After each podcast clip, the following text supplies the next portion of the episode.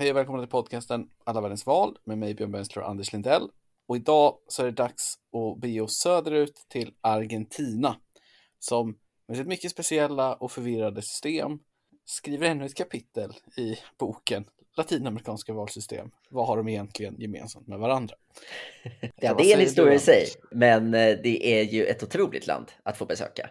Detta världens största spansktalande land till ytan och Latinamerikas rikaste land, Argentina, som har val till eh, sitt parlament nu, så att det är inte presidentval. Det blir det först om två år. Och vi kan ju gå in på det som eh, när du tycker att det är märkligt och förvirrande då, så näm- väljer man alltså hälften av underhuset nu.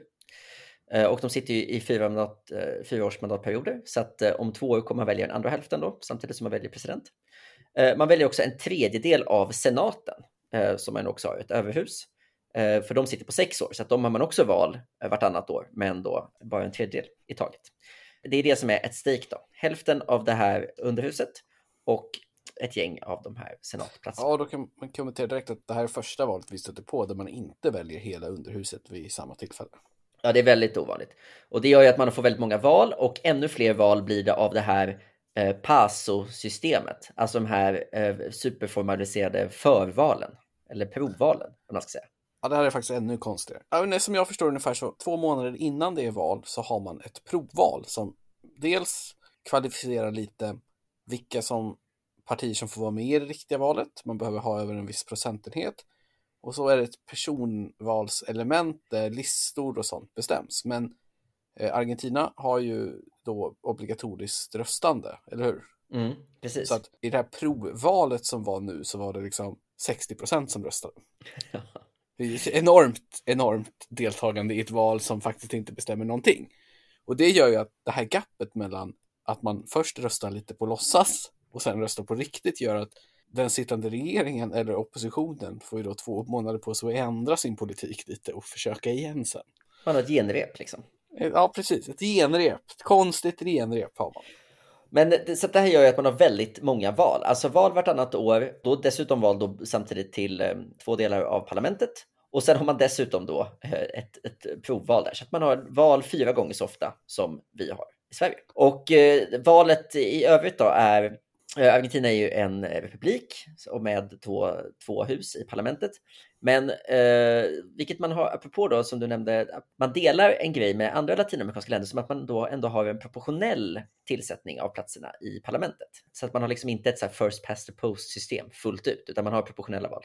Så att eh, man väljer till eh, på listor i de 23 delstaterna i Argentina. Och till senaten så väljs det på ett lite speciellt sätt, för där har man tre platser per delstat och då har man ett system där de två första platserna fördelas till det största partiet och den tredje platsen fördelas till det näst största partiet. inte det här lite likt Mexiko som vi sätter på? Jo, så är det kanske. Precis, men ett lite liksom lite märkligt sätt som då blir alltså lite, lite mer proportionerligt än ett eh, rent liksom enmansvalkretssystem, men ändå så här, verkligen premierar de stora partierna såklart.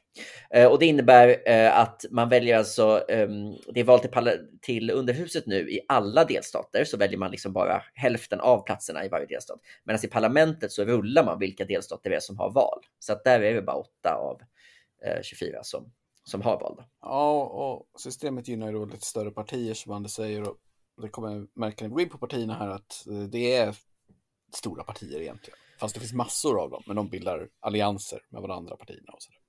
Ja, Men eh, ska vi kolla lite på vem som är, sitter och rattar Argentina nu då? Det är Alberto Fernandez som vann presidentvalet 2019. Och vad har du på hand då Anders? Vilket parti representerar han och liksom, vad är det för snubbe? Mm. Alberto Fernandez är liksom en lojal spelare inom Partido Justicialista som vi kommer in på, som vi he- hädanefter bara kommer hänvisa till Peronistpartiet. Det här är ju mest den kän- välkända och mytomspunna delen av Argentinas politik, den här peronismen som är den statsbärande ideologin, som vi kanske går in på lite senare. Som jag förstod det så är han någon slags front den här killen, stämmer det? Eller är det hårt tolkat? Det är väl medienarrativet av Alberto Fernandez är att han är eh, liksom headhuntad av sin vicepresident, Cristina Fernandez Kirchner. Och ofta är det ju tvärtom. Ofta är det tvärtom och om det namnet är bekant så är det för att CFK var ju Argentinas president i åtta år och Argentinas första dam fyra år innan. Så att hon är eh, Argentinas Hillary Clinton om hon hade lyckats med eh, sitt försök att bli president i USA. Precis, och man kan säga att även om partierna har bytt namn och är ganska nya så finns det tydliga trender i argentinsk politik som mm. vi kommer koppla ihop på något fint sätt strax med partierna som det står mellan idag. Men om vi bara ska snabbt snabbspola lite genom Argentinas 1900-tal så kan man säga att eh, det har varit stökigt. Det har varit statskupper, växlat med demokrati, växlat med statskupper, växlat med politiska ledare som har gått i exil och återkommit och allt möjligt. Men Argentina, de är ofta intressanta för människor i väst och då främst för nationalekonomer. Mm. Den välkände Simon Kussnet ska ha sagt att det finns fyra typer av ekonomier. Det finns utvecklade länder, underutvecklade länder, det finns Japan och det finns Argentina. Det, det var inte menat som en komplimang, utan Argentina framställs ofta som 1900-talets kanske mest misslyckade ekonomi på något sätt. Mm. För Argentinas Belle Époque, som man säger på, på svensk-franska, det var liksom perioden fram till första världskriget. Då var man ett av världens rikaste länder per capita. Allt såg lovande ut och man hade framtiden för sig. Och både så här statsvetare och ekonomer och allt möjligt har sedan försökt att lista ut varför det inte blev så. Då man absolut inte är ett av världens rikaste länder idag, utan långt därifrån. Att man har utvecklats relativt sämre än nästan alla sina grannländer och att man har liksom helt enkelt ja, inte haft ett starkt hundra år. Och politikens stabilitet har ju bidragit till det. Den första militärkuppen kom redan 1930 och sen så är det både 43, 55, 62, 66 och 76. Och mm.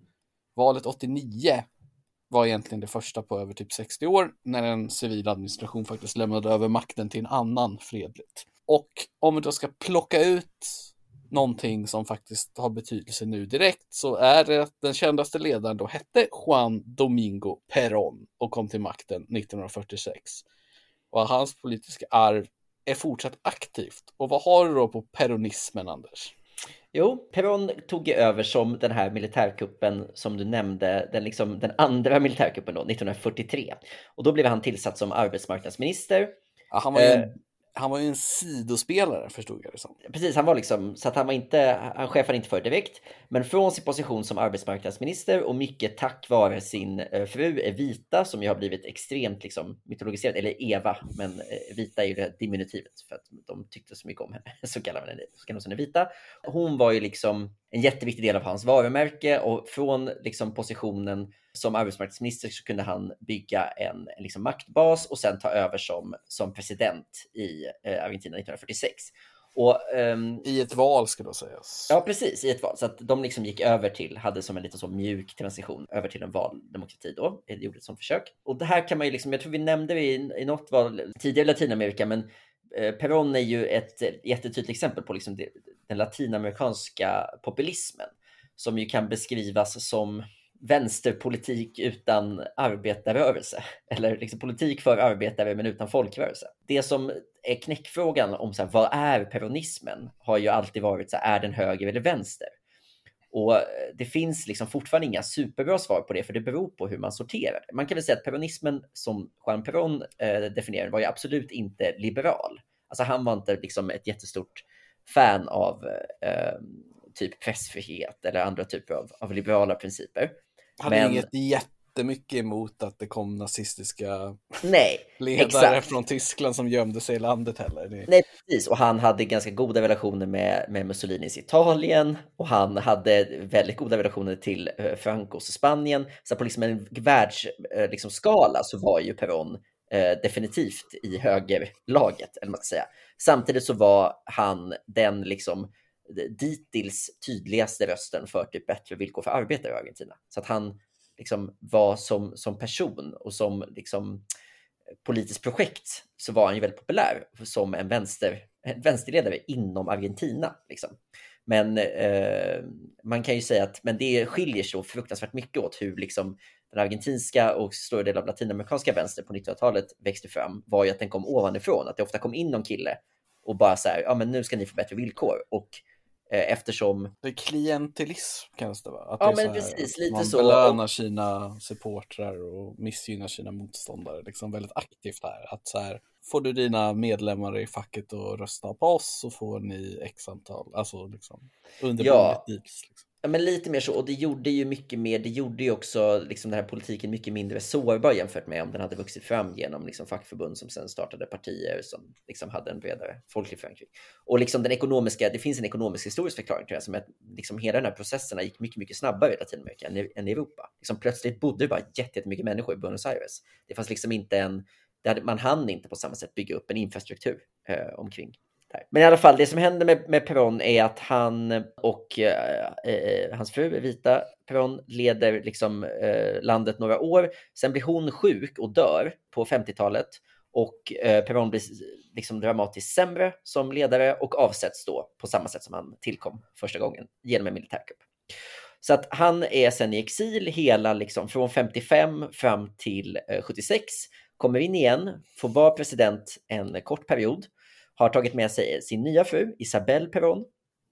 Och när Juan dör så blir hon världens första kvinnliga president.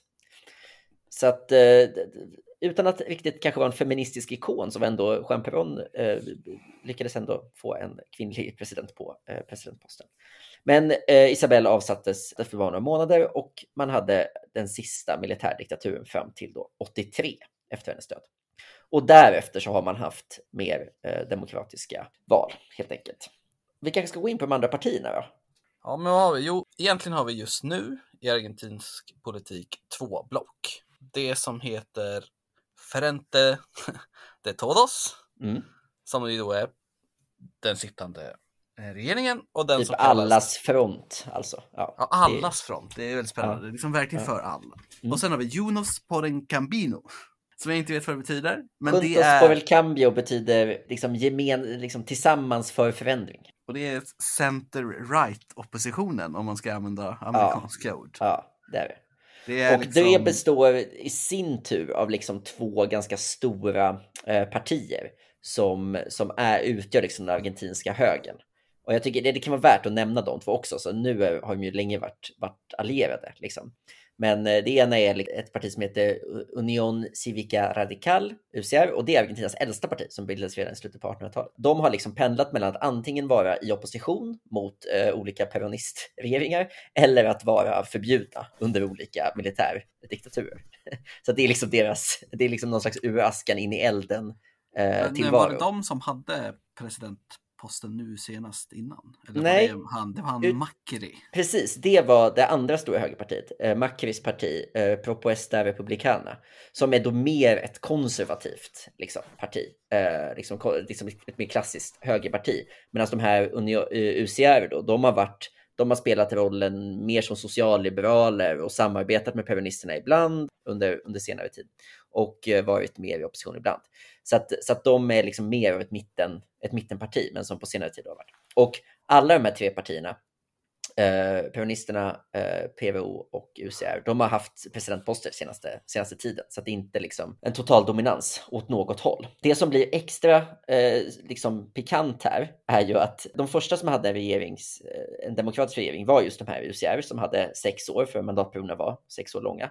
Efter det tog ju peronnisterna över, men då var det inte som vänsterrörelse, utan då var det eh, under en eh, en kille som heter Carlos Menem. Och han drev landet i väldigt liksom högerriktning politiskt eh, och ekonomiskt. Kanske framförallt, det var mycket på 90-talet med olika avregleringar och åtstramningar och sånt där. Ja. Så att han an, liksom angrep eh, UCR från höger och sen dess så pratar man inom peronisterna, den här redan väldigt liksom ihopplockade och personlighetsstyrda rörelsen, så pratar man om då menemister Men och. Kirchnerister. Och eh, Kirchner är ju då paret Kirchner. Eh, först då Nestor Kirchner som blev eh, president 2003 och sen eh, hans fru eh, Kristina Fernandez Kirchner som tog över efter. Och eh, valet 2003 är... Det var en öppen mål det är att göra paralleller till familjen Clinton här alltså. Ja, ja, verkligen. Och det som är intressant är att eh, när Nestor Kirchner blev vald så var det mot Carlos Menem. Samma parti hade alltså två, två presidentkandidater som kandiderade emot varandra och fick eh, ungefär 25 procent var gick, gick vidare till andra omgången, men väl där blev det väldigt tydligt att liksom hela övriga oppositionen skulle gå in på Kirchners sida, så att Menem hoppade av. Och utan att man då hade en andra valomgång så svors Kirchner in som president med alltså 23 procent av rösterna. det är det är Speciellt något. att man inte ville ha en andra omgång än att casha in liksom lite demokratisk legitimitet. Nej, det behövdes inte. Och det, det la alltså grunden för då 12 år med paret Kirchner i Rosa huset, som presidentpalatset heter. Och eh, ehm, efter då en, en period med Mauricio Macri, den här högermannen Macri som tidigare var borgmästare i Buenos Aires, så valde eh, Cristina Fernandez Kirchner den här Alberto Fernandez eh, då som, som sin running mate som president.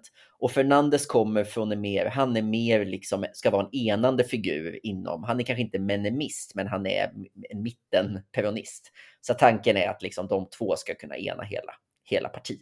Nu. Så där står vi, där står vi nu. Ja, och eftersom det redan har varit ett provval så vet vi ungefär hur det går för den här sittande regeringen. Och mm vi vet vilka frågor som är aktuella och det kommer vi ta upp härnäst. Okej, men om vi tittar på det här primärvalet då, så gick det ju, eller provvalet, så gick det dåligt för eh, Ferente de Todos, eller hur Anders?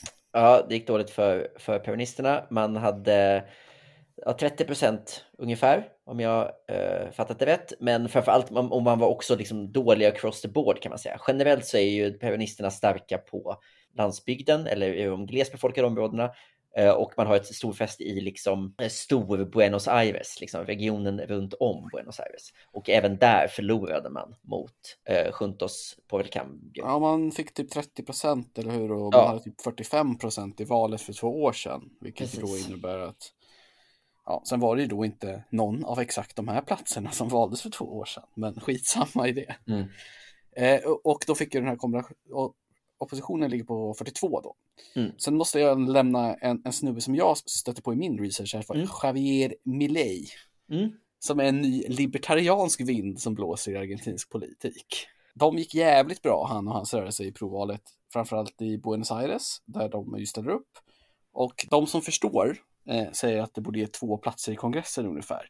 Och då är den första libertarianen som blir vald till parlamentet och han representerar då ett helt annan politisk kultur och idéhistoria. Och ja, han kan bli en grej framöver till presidentvalet om två år. Så då har vi gett er en tidig varning på Javier ja. Milei. Han är en sån här larger than life gubbe som liksom snackar på mycket. Stor Intressant. Det finns ju ett gäng andra partier som inte är en del av de här, äh, de här blocken.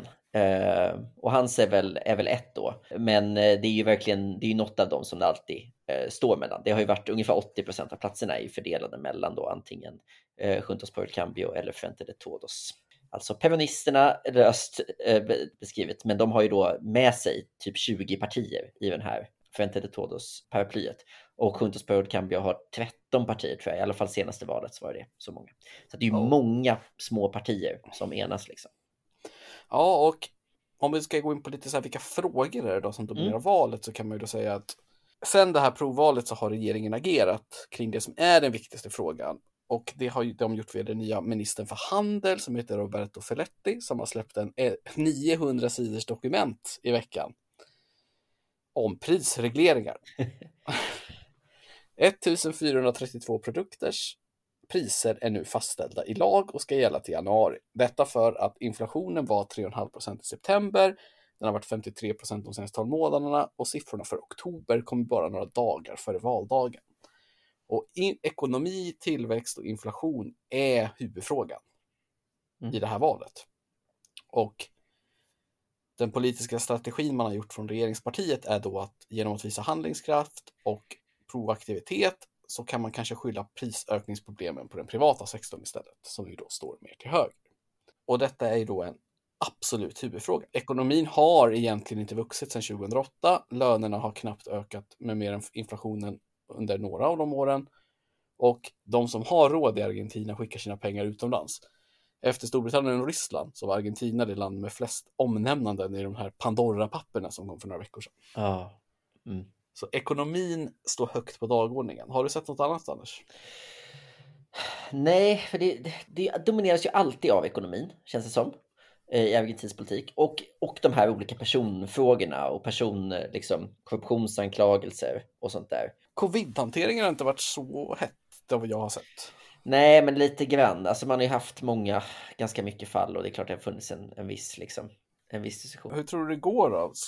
Tror vi att provvalets liksom, riktning är, som pekar mot en stor förlust för regeringspartierna stämmer? Ja, det är väl ändå troligt va? Eh, det är väl, jag, läste någon, jag läste en artikel i mm, America's Quarterly, den här USA-baserade ja, den, den är bra alltså. Eh, liksom Latinamerika-bevakningen. De beskrev det ju som att, så här, att det är lite ett självspelande piano med peronisterna därför att de alltid tjänar så mycket på kris för att man vet vad man får med dem. Så att, så att det är lite som att så här, det går väldigt dåligt och då börjar det plötsligt gå bra igen för att tumult gör att folk söker sig till, till, liksom, till källan. Till, till, till Kirchners trygga famn. Eh, så att eh, det, det är ju en take på det, att så här, går det bara tillräckligt dåligt kommer de till slut alltid få tillbaka sina. Det var, det var liksom den, den artikelns eh, case. Och att liksom, det finns ju ingen eh, liksom, bevisad lösning. På ett sätt så skulle det vara ett drömläge för liksom, en tredje kraft att komma in här. Frågan om den, där, den här Milley då, om han, om han är, är, är rätt gubbe för det liksom. Men det, känns det finns ju också en otrolig trötthet på de gamla partierna får man ju säga. Men sen ändå en jättestark liksom, lojalitet kring, kring vissa av... Eh, ja, tröttheten verkar ju ta sig uttryck i lägre valdeltagande snarare. Ja, trots att det då är straffbart med böter om man inte, inte röstar. Det säger någonting att man väljer att avstå trots, trots att det kostar en. Ja, nej, men så där har vi Argentina. Har vi något mer vi ska ta upp eller? Nej, jag tycker det är, vi får vi ska spara oss lite till om två år vet du, när det riktiga valet kommer. Ja, men precis. Eh, vi kommer komma tillbaka med ett avsnitt där det faktiskt är val i Bulgarien för tredje gången i år. Ja, du, du brukar kalla vår podd den världens bästa svenskspråkiga podd om bulgarisk politik. Och ja, eh, det ska vi leva upp till. Se om vi kan leva upp till det. På återseende. Ja, bra.